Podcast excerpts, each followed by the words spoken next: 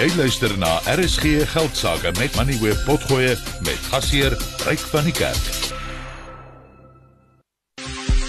Besoek RSG Geldsaake se Facebookblad en kom ons gesels. Dis donderdag aand en dit beteken ek gesels weer met 'n gesiene Suid-Afrikaanse sakepersoon en ons gesels oor hulle loopbane, die bedrywe en maatskappye waar hulle werk en ook wat hulle bietjie doen om van stres ontslae te raak. En my gas vanaand is Etienne Leroux. Hy is 'n gereelde deelnemer aan hierdie program. Hy's natuurlik die hoofekonoom by Rand uh, Rand Merchant Bank en hy skuif binnekort na First Rand toe. Ons gaan daaroor gesels. Ehm um, Etienne baie welkom by die program.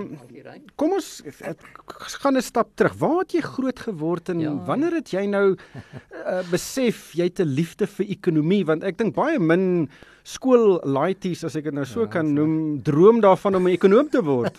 ek is in Sasolburg gebore. Ehm um, en het daar vir 'n rukkie skool gegaan en toe trek ons net oorkant die Vaalrivier na van 'n byl toe. En daar het ek my laerskool loopbaan voltooi, hoërskool loopbaan voltooi en toe het ek op die by die PIK gestudeer. Nou baie interessant reik. Ek het ehm um, glad nie op skool ekonomie gehad nie, nie op hoërskool nie. So my blootstelling vir die eerste keer aan die vakgebied was eerste jaar ehm um, BCom student by die PIK. En dit is ook maar net bloot omdat weet elke BCom graad moes ekonomie gehad het as 'n vak. Ehm um, en ek het BCom rek ehm um, gedoen en hier kry ek blootstelling aan ekonomie en ek het van die begin af ehm um, was ek mal oor die mal oor die dissipline. En ek is toe in in retrospek slim genoeg om uh, wel weer kom reg klaar te maak maar ook ekonomie en bedryfsekonomie as addisionele vakke saam te vat. En toe ek nou aan die einde kom van my graad en ek moes toe nou 'n besluit neem, gaan ek nou die rekenmeesterpad of gaan ek nou die ekonomiese pad? Toe vat ek die ekonomiese pad. Ehm um, so en en die res is die res is geskiedenis. Jy was lank by die tesourie. Vertel hmm. ons van jou tesourie avontuur. Ja, so ek het ehm um, ek het afgestudeer en toe het ek vir so 3 jaar klas gegee by die PIK en toe is ek gesemi-privatiseer en toe gaan werk ek by die staat en ek het so vir 'n jaar of so in die begrotingskantoor by die nasionale tesourie gewerk toe Trevor Manuel nog die die minister was.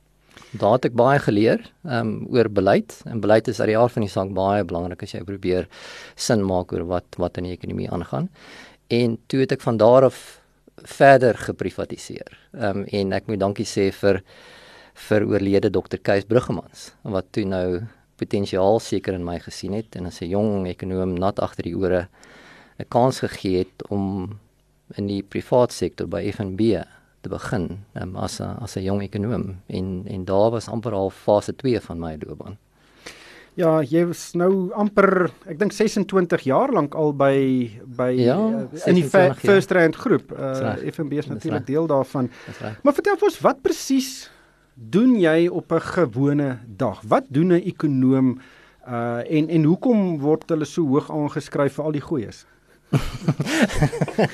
Wel, um, in 'n netedop um, probeer jy die ekonomie beter verstaan en sekere tendense um, opspoor um, om besluitneming te vergemaklik. Um, jy weet en ek dink ekonomie is 'n baie komplekse wetenskap en ekonomie moet dit nie meer kompleks maak nie. So ek vat dit nogal op myself om die ekonomie so maklik as moontlik te probeer verduidelik aan ons kliënte en komplekse dinge maklik verstaanbaar te maak. Ehm um, vir myself ook en dan ook vir ons kliënte. En ek dink die die hoofdoel ryk is as 'n ekonom is om 'n goeie idee te kry en om aan die, die kliënte verduidelik maar ehm um, wat is die die dinge wat 'n invloed het op die omgewing waarin jy besigheid doen. Dit kan wees internasionaal, dit kan wees beleid.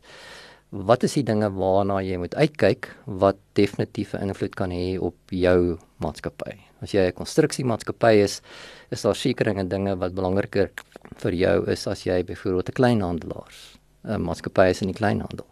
En daarmee help ons baie. Met ander woorde, ons sal byvoorbeeld baie tyd spandeer om die verbruiker beter te verstaan. Ehm um, hoe lyk die finansiële toestand van huishoudings? Ehm um, hoe spandeer hulle hulle geld? Wat is die nuwe tendense? Ehm um, ehm um, wanneer dit kom by verbruiksspandering om dan vir maatskappye in daai bepaalde rigting en en en gebied en omgewing weet inligting te gee en goeie inligting te probeer gee.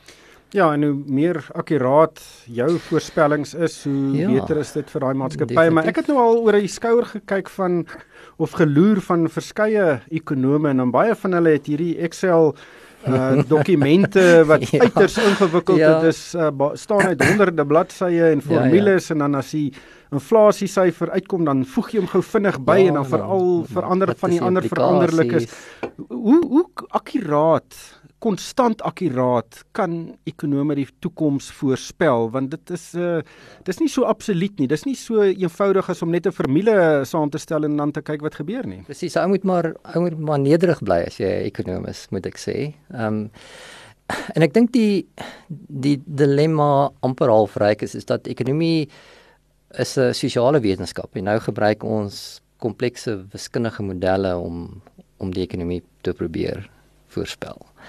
En dit gaan altyd nooit 100% akkuraat wees nie. So enige ekonometriese model in Excel spreadsheet het sy plek. Maar daar moet ook 'n goeie dosis van ervaring en gut feel. Weet wat jy moet toepas um, om sin te maak van wat die modelle sê. Jy weet so die model het sy definitief sy plek en dit is 'n belangrike klankbord, maar jy moet dan ook half in 'n posisie wees om te kan sê maar weet jy daai syfertjie lyk vir my te hoog of te laag en hy lyk 'n bietjie uit plek uit. En en die model werk op spesifieke verwantskappe en dit is wiskundig maar ehm um, jy moet ervaring gebruik om sin te probeer maak van die model se resultate. Ja, ek het nou die dag gekyk na 'n lys van voorspellings wat ek dink omtrent 30 Suid-Afrikaanse ekonome gemaak het en dan sit jy met ekonomiese groei verwagtinge van 2% en dan die aan die ander kant sit dan sit iemand met 'n minus 1%. Uh, en dit dit is baie baie uiteenlopend. Ehm um, en ek weet nie ek dink is vir baie mense moeilik om uh nie te glo wat ekonome sê nie, maar om die die kaf van die koring te skei. En en hoe dink jy moet ja, mense dit doen? Dit dit is wel ek dink belangrik ryk jou trek rekord is belangrik hier. Jy weet jou ervaring, weet hoe lank bekyk jy al die ekonomie? Ehm um, hoe goed verstaan jy die ekonomie? Hoe goed het jy die ekonomie oor tyd voorspel? Ehm um, en dan begin maatskappye, ons kliënte 'n verhouding met jou met jou bou. Ehm um, en so ek dink nie jy weet jy jy jy praat nou van uiteenlopende vooruitskattinge en dit is dit word natuurlik dit is afhanklik van waarop lê jy byvoorbeeld die klem. Jy weet op die huidige oomblik het jy 'n situasie van waar sommige ekonome dink die ekonomie gaan groei teen 1.5 en 2% want hulle dink weerkrag gaan vinniger opgelos word as ander ekonome en dat die vaste investering wat ons nou sien in hernubare krag van so 'n orde grootte gaan wees dat dit die ekonomie dramatiese opstoot gaan gee en dat jy fundamenteel die elektrisiteitssektor verander ten goede van die ekonomie. Ander ekonome is bietjie meer skepties byvoorbeeld. En ek sê maar weet jy ons in klei sê maar ja, daar gaan weinig groei wees hierdie jaar, maar volgende jaar is 'n interessante debat. Want inflasie kan afkom ja. en rentekoerse kan daal en die wêreldgroei kan 'n bietjie beter lyk. En het ons miskien fase 2 en 3 beerkrag maar nie 5 en 6 nie en dan lyk die prentjie anders. Ja, Sim Tabalala het vroeër mm -hmm. in die mhm. program nogal gesê hy dink hierdie geweldige belegging wat ons nou gaan sien, gaan die die toekoms dalk meer rooskleurig maak as wat baie mense dink. Maar net uh, laastens, ek neem aan is stresvol om te wag tot die volgende ekonomiese aanwysers deur die die, die Reserwebank bekend gestel is. Wat doen jy om 'n bietjie van stres ontslae te raak? Ja, so ek ek ek hou nogal daarvan om na antieke veilinge toe te gaan. Ehm um, en ek doen dit glad nie vir profit nie, ek doen dit vir plesier. So ek koop nie om te verkoop wat, nie. Wat watter tipe veilinge? Uh, so, watter produk of uh... antieke antieke meubels en versamelstukke. So ek het 'n hele paar oudhede in my huis ehm um, en en interessante stukkies hier en daar.